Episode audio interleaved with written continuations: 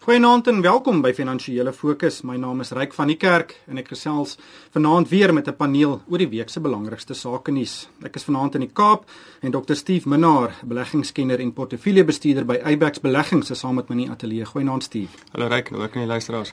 En op die lyn uh, uit uh, soms uit Wes uh, of is dit uh, Gordons Bay is Hein Creer. Hy is 'n beleggingskenner by Creer Internasionaal. Goeienaand Hein. Goeienaand Ryk. Wel in vanaand se program gaan ons gesels oor rentekoerse wat ondanks verskillende sienings by die monetêre beleidskomitee van die Reserwebank van dese week onveranderd gelaat is. Pinnacle Holdings se aandelepryse het in duie gestort nadat een van sy direkteure in hegtenis geneem is toe hy skynbare polisieman probeer omkoop het. En dan MTN en Vodacom beklei teen die besluit van die telekommunikasie reguleringsowerheid om interkonneksietariewe te verlaag. Maar uh, Steve, kom ons begin by rentekoerse. Jill Marcus het van dese week aangekondig dat rentekoerse vir eers onveranderd gaan bly en dit is nadat sy in Januarie teen die verwagting in rentekoerse opgestoot het. Wat vir my uitgestaan het is dat daar werklik verdeeldheid was oor die besluit binne die monetêre beleidskomitee. 4 van die lede het gestem om koerse onveranderd te laat en 3 wou dit opstoot. Uh dit wys dat daar regtig uh, verskillende sienings is en dat ons in die toekoms hoë rentekoerse kan sien. Ja, ek ek dink wat wat die dilemma wat hulle het is seker maar 'n dilemma wat ons as beleggers ook baie daar in die, in die, in die gesig staar en dit is daar is soveel teenstrydige indikasies is uit die mark. Jy weet, aan die een kant voel jy jy wil rentekoerse opstoot, maar ons is eintlik ver agter die ander ontleikende ekonomie in terme wat hulle van wat hulle met hulle rentekoerse gedoen het.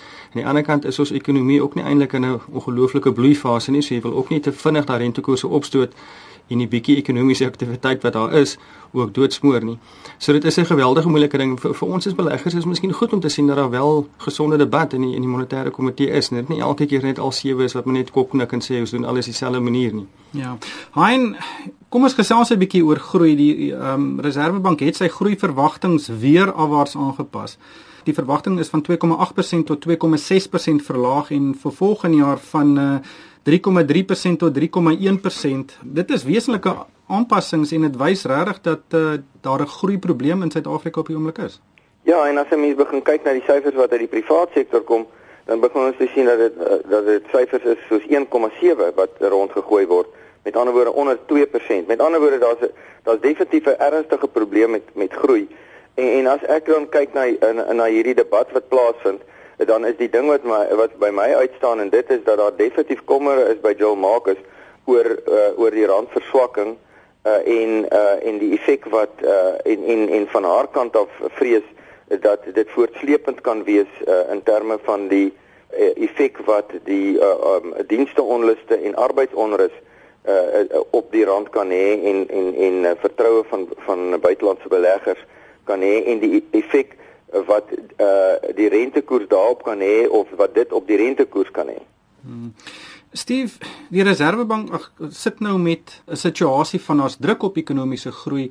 Groei word gestimuleer deur lae rentekoerse. Aan die ander kant is inflasie besig om te styg weens 'n swakker rand en jy kan die rand verstewig of sterker maak deur rentekoerse op te stoot. So jy sit met twee balle in die in die, in die lug. Hulle is nie eintlik versoenbaar nie. Hoe dink jy moet Jill Marcus en haar span dit hanteer?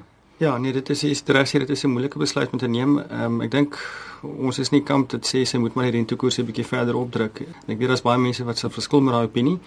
Wat ons nie ekonomie sien is nie noodwendig dat maatskappye waarna ons belê of mense wat ons gesels ons toe kom en sê maar luister die rentekoerse is te hoog, ons kan nie die lening bekostig nie. Ek dink nie ons kry daai effek of daai terugvoer van die van die mark af nie. Wat ons wel hoor is dat die land nie kompeterend is nie en ek dink dit is waar 'n uh, effe swakker rand wel vir ons help met uitvoere en met die besigheid self en jy weet daai invloeye soos jy ook nou voorheen na verwys het die buitelandse invloeye wat ons nodig het om ook jy weet 'n gedeelte van ons betalingsbalans ensovoorts te, te finansier of handelsbalans dit gaan definitief gehelp word as ons rentekoerse verder opstoot. As ons rentekoerse te laag is, bly ons net so onaantreklik vir buitelanders om geld hier te kom parkeer en 'n bietjie rente te verdien dat uh, dit nie moeite werd is nie. So ek dink as mense die twee balle soos jy sê wat in lig is en balanseer, dan is ek geneig om te sê ons moet maar rentekoerse opsit. Maar dit is 'n baie moeilike besluit en ek dink jy moet dit in 'n baie effektiewe manier maar stap vir stap doen en nie met een groot weet slag kom en 5% op 'n slag opdruk nie want dit sal heeltemal 'n doodskoot wees. Ja. Hein, daar's 'n ekonom in Amerika, sy naam is Jesse Colombo. Hy roem homself dat hy die uh, krisis in ontwikkelde lande voorspel het in 2008 en hy het 'n baie interessante artikel geskryf wat op Forbes.com gepubliseer is. Um, en hy sê Suid-Afrika se ekonomie is in 'n ekonomiese borrel. Ehm um, en hy sê dat Suid-Afrika dieselfde probleme kan ervaar as in 2008 wat in die res van die wêreld gesien is en dat die hele ekonomie basies 'n uh, krisis sal beleef. En hy skryf dit toe aan die tekort op die lopende rekening en Suid-Afrika se afhanklikheid van portefeuillevloeye om die tekort te finansier. Um, hy sê ook Suid-Afrikaners se skuldvlakke is te hoog en dat die lae rentekoerse wat ons op die oomblik het eiendomspryse en aandelepryse tot rekordhoogtepunte opgejaag het wat en dat 'n korreksie op die horison is. Dis 'n baie baie verdoemende tipe van siening. Ehm um, wat dink jy, is ons naby aan 'n aan 'n borrel? Hoe, hoe lees jy dit? Wel, Ryk, jy weet, ehm um, uh, jy ken my my siening uh, en my agtergrond. Jy weet dat ek ek uh, is eintlik oorspronklik 'n politieke analis. Ehm um, en en dat my siening is nou uh, onafhanklik van van waar uh, hoe Colombo daarby uitgekom het is my siening dat ons het tot dusver nog net 'n ingevoerde resessie gehad vanweë dit wat uh, elders in die wêreld gebeur het, maar dat ons eintlik 'n fundamentele resessie in Suid-Afrika nog aan die kom is. Ons sit in die in die situasie dat hoewel ons 40 jaar ehm um, 'n uh, 'n laagtepunt op rentekoerse gehad het in Suid-Afrika tot dusver, het mense se skuldvlakke weer begin toeneem en nie verminder van die hoogtepunt waar dit was uh in in in uh, 2007 2008 nie. uh, Residensiële eiendom het net soos die aandelemark uh, in 2007 2008 met bykans 40% geval, maar uh, residensiële eiendom het nie soos die aandelemark gestyg nie, maar is basies op dieselfde vlakke nog as waar, waar dit was. Nou weet ons wat is die effek van stygende rentekoerse op residensiële eiendom en dit is dat dit dit verder gaan afdruk. Terwyl residensiële eiendom is die deursnee 'n middelklas mens uh is 'n sekuriteit uh en meeste mense wat diep in die skuld sit as ek met hulle praat en sê verkoop jou bates, betaal jou skuld af, dan sê hulle maar ons kan nie want ons skuld vir die bank meer as dit wat ons tans in die mark kan kry. Dit is soos die Amerikaners sê 'n absolute catch-22 situasie. As ons gaan kyk dat 6,4 miljoen mense in Suid-Afrika uit die bevolking van 55 na 60 miljoen mense is geregistreer as persoonlike belastingbetalers en betaal 100% van die belasting daardie is die mense wat ook skuld uh, kan aangaan by die groot banke. Met ander woorde, kom ons sê dit is die mense wat geld skuld in Suid-Afrika. Uh, dan sit ons uh, weer eens met 'n catch 22 en dit is as hierdie mense nie eens op op 'n 40 jaar laagtepunt hulle skuld kan betaal nie en uh, rentekoerse gaan begin styg en dit is daar is Joe Marcus kan die rekkie 'n klein bietjie uitruk uh, uithou en en stadiger laat gaan, maar jy kan nie dat uh, die ingevoerde inflasie as gevolg van verswakkende rand of kom ons onderskei tussen inflasie en lewenskoste, want lewenskoste is omtrent 3 maal hoër as wat die as wat die uh, verbruikersprysindeks is in Suid-Afrika, lewenskoste stygings. Jy kan nie daai ding kunsmatig laag hou nie. So dit moet opgaan uh, en soos wat Steve reg net nou gesê het is, as jy dit nie stelselmatig doen nie, dan moet jy dit op een slag doen soos wat uh, Kristal en en Barend Du Plessis klomp jare gelede moes gedoen het en dit het 'n absolute uh, afbreekende effek op die ekonomie. So watter kant jy ook al kyk, gaan ons in 'n situasie begin sit dat 'n groot klomp van die belastingbetalers in hierdie land wat terselfdertyd ook die die werkgewers is gaan op 'n punt kom waar hulle nie meer hulle skuld kan betaal nie omdat die rentekoerse te hoog is. Hulle hulle uh, inkomste het nie tred gehou met lewenskoste stygings en ook dan met die met die rentekoersstygings nie. Die banke gaan dan uiteindelik sit met die met die uh, woonhuise en met die motors en dan gaan niemand weet wat dit kan wil koop nie. En terselfdertyd is hulle ook die belastingbetalers en die staat gaan nie sy sy inkomste kry nie. So dan gaan 'n klomp mense wees wat sonder werk sit uh, omdat die werkgewers nie meer daar is nie uh, en hulle gaan nog meer betoog. Uh daar gaan 'n klomp mense wees wat nog minder dienste kry as wat hulle tans kry en hulle gaan betoog en ons gaan letterlik in Suid-Afrika in 'n situasie sit soos wat ons in uh, in Amerika en in Europa uh, in in 2007 2008 begin kry het en dit is banke gaan sit met bates wat hulle niks meer kan doen nie.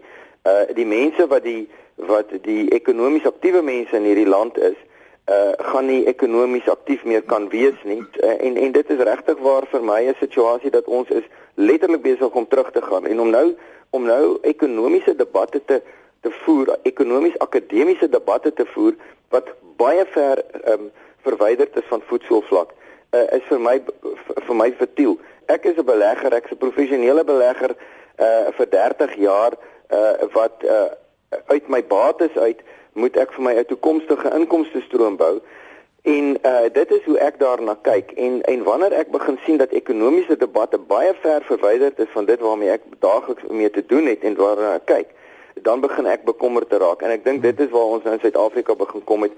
En en dit laat my baie sterk dink aan wat destyds in in Amerika eintlik maar gebeur het wat fundamenteel was tot die uh, ineenstorting van van wêreldfinansiële markte en finansiële instellings. Ongelukkig dink ek daai is 'n debat wat ons uh, vir julle aan 'n hele program uh, kan wy. Maar maar Steve, ek wil gou aanskuif. Pinnacle Holdings is 'n maatskappy wat 'n uh, gunsteling is op die beurs, maar sy markwaarde het hierdie week bykans gehalveer en dit is nadat 'n uitvoerende direkteur, Takalani Chivase, in die hof verskyn het nadat hy na beweringe polisieman probeer omkoop het om 'n tender te kry. Wat maak jy van hierdie hele storie? Ja, nee, kyk op hierdie stadium is dit aantuiging so niemand is nog skuldig bevind nie, maar wat my net stom geslaan het hierdie week is dat die ehm um, uitvoerende beampte kan sê maar hulle het nie gedink dit is nodig om vir die mark laat weet dat die arrestasie plaasgevind het. Dit het al 'n maand gelede gebeur.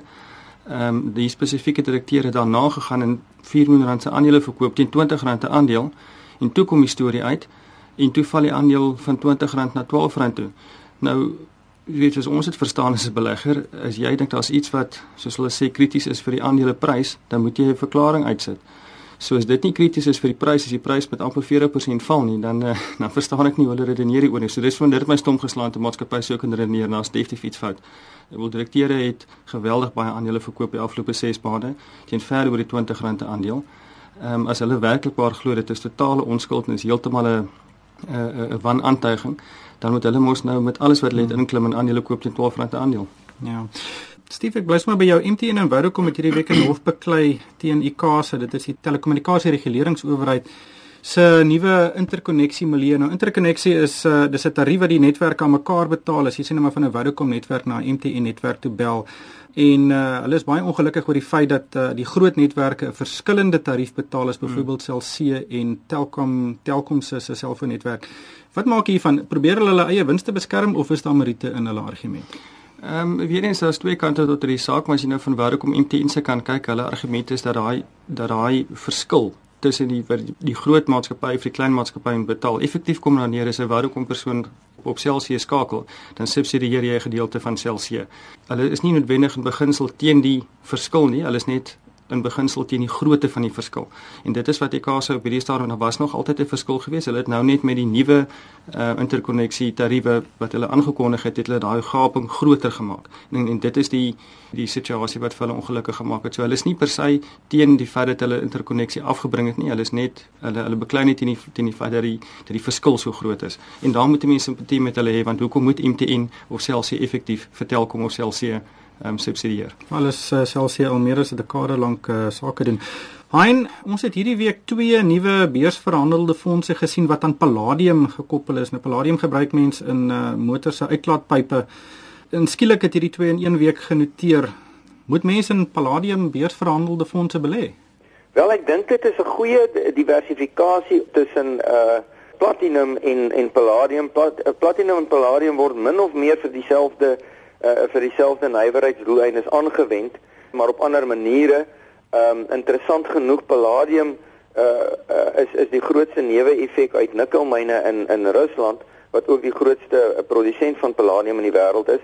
In Suid-Afrika is dit weer die grootste neuweproduk uit uh, platinummyne, maar waar ons nou duidelik al redelik teruggesak het aan daardie kant in die wêreld.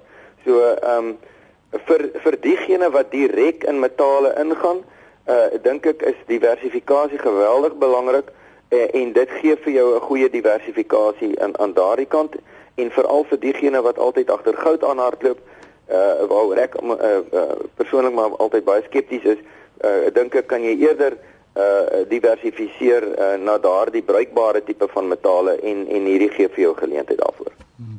Steve, die beurs het hierdie week 'n bietjie sywaarts beweeg, maar hy staan nog steeds sterk. Uh die rand het verstewig tot sodat R10.60, maar die ding wat vir my vandag wel hierdie week uitgestaan het is Naspers, een van die gunsteling aandele op die beurs het regtig pak slaag gekry weens uh, sy Chinese filiaal Tencent wat ook pak slaag gekry het. Ja, kyk Naspers besit so 34% van Tencent. Dis mense al geruime tyd die twee dophou, dan is Naspers op hierdie stadium minder werd as net hulle eintlike aandelehouding in Tencent. Die ander woorde jy kry MultiChoice, jy kry hulle besigheid in Afrika, jy kry die koerant besigheid, al hulle internet besighede reg oor die wêreld.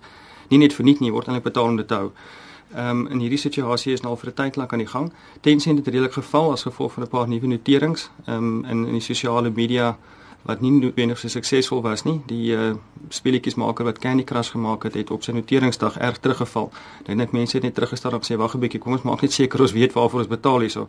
En Tencent is teen 'n baie hoë prysverdienste verhouding en toe het hy so 'n bietjie teruggetrek. Vol ongelukkig is dit alwaarvoor ons tyd het vanaand. Baie dankie aan Dr. Steve Minnar van Abex Beleggings. Dankie Steve. En uh, Hein Creer van Creer Internasionaal. Dankie Hein. Dankie Ryk, dankie Steve. En van my Ryk van die kerk, dankie vir die saamluister.